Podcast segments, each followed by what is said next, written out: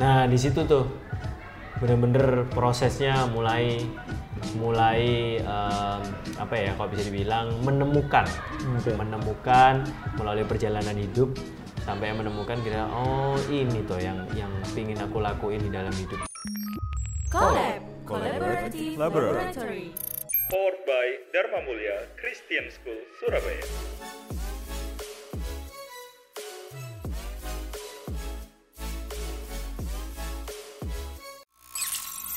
Leadership is love. Leadership is relationship.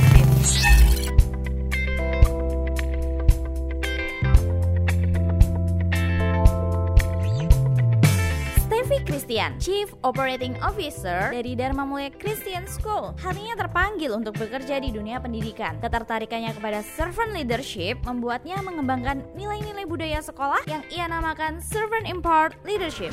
Selamat datang di podcast Collab. Nah, kita balik lagi di satu obrolan yang menarik ya. Semoga juga ini bisa menjadi insight atau wawasan juga. Saya Chris Pramudia bersama Steffi Christian dari Dharma Mulia Christian School dan saat ini kita juga sedang berada di sekolah ini ya. ya Ya, baru kali kedengeran ya kedengeran ya suaranya rame gitu ya ya baru kali ini kita podcast di dalam sekolah gitu seru dengan suara anak-anak. mungkin nggak perlu sekali-sekali kita di lapangan malah Oh, jadi Ini padahal lantai dua ya. iya iya Ya, Steffi Christian ini eh, seorang school director yang tergolong muda. Kalau dulu identik kalau zaman saya kecil, ya jangan dibandingin sama anak SMA atau kuliah sih, Pak ya. tidak semudah itu ya sayangnya tidak semudah itu Kalau kita dulu kecil ngerasa bahwa oh oke kepala sekolah, kepala yayasan sekolah atau orang-orang yang menjadi senior senior sekolah itu orang yang tua gitu. Steffi Christian ini seorang school director yang cukup muda di usia yang muda, memimpin satu institusi pendidikan dari mulai playgroup sampai SMA. Dan kalau mendengarkan episode yang sebelumnya, Steffi share tentang betapa penting sentuhan manusia di era 4.0 teknologi ini secara khusus yaitu leadership dan leadership bukan hanya memerintah, memimpin atau mempengaruhi, tetapi harus ada sentuhan manusiawi yang namanya sentuhan manusiawi. Berarti ada sisi relasi dan juga love. Sebuah ungkapan yang menarik dari Steffi Christian bahwa leadership is love, leadership is relationship.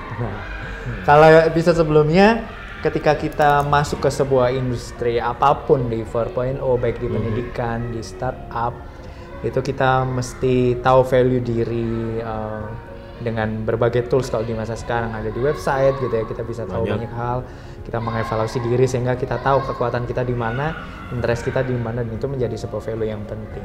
Dan itu adalah sebuah eh, awal ya Awal. ya untuk kita bisa mengembangkan diri kita titik tolak diri kita. Ya mungkin kalau memang ada yang belum dan sudah terlanjur memulai memulai apa prosesnya Langkah. Langkahnya yang bukan berarti terlambat juga tapi penting untuk itu dicari tahu begitu Oke.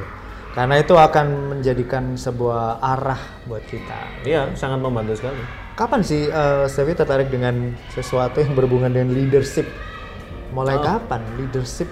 ya itu ceritanya cukup menarik ya Ah. cukup panjang cuman saya akan coba persingkat ya jadi sama saya rasa eh, dengan cerita kebanyakan orang jadi setelah lulus dari SMA harus berkuliah Ah, Uh, kemudian uh, itu awal sebenarnya se- mungkin karena waktu itu usia masih muda ya.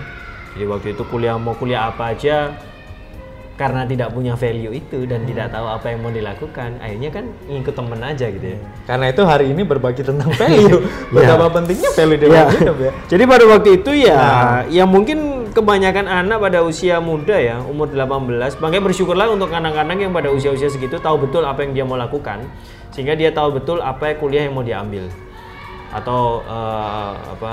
eh, karena menurut saya kuliah itu kan bagian dari bagaimana dia mendapatkan knowledge untuk mendukung apa yang menjadi visi hidupnya itu. Iya.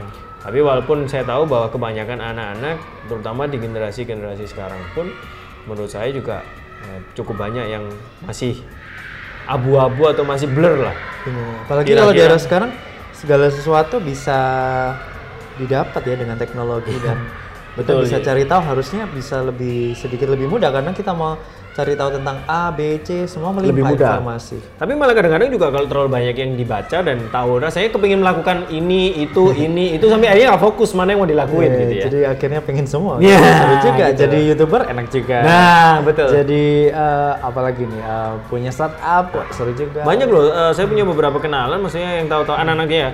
Eh, hobinya tahu-tahu pengennya jadi content creator. Dia bilang Oke. bahwa content creator is fun lah ya, gampang lah, cuman buat konten gitu aja, viewer banyak, kemudian dapat duit.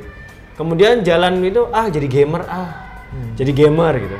Tahu-tahu ah buka usaha apa ah, eh, apa dalam bidang F&B saya mikir, ini perasaan kamu dalam hitungan tiga tahun kamu bisa berubah berubah berubah berubah berubah gitu. ya. konsisten. Nah ya mungkin masih mencari jati diri lah kalau orang bilang gitu. Jadi Ya. berangkat dari pengalaman apa nih sampai tertarik dengan leadership? Ya itu eh, setelah itu mau kuliah bingung, Bingung.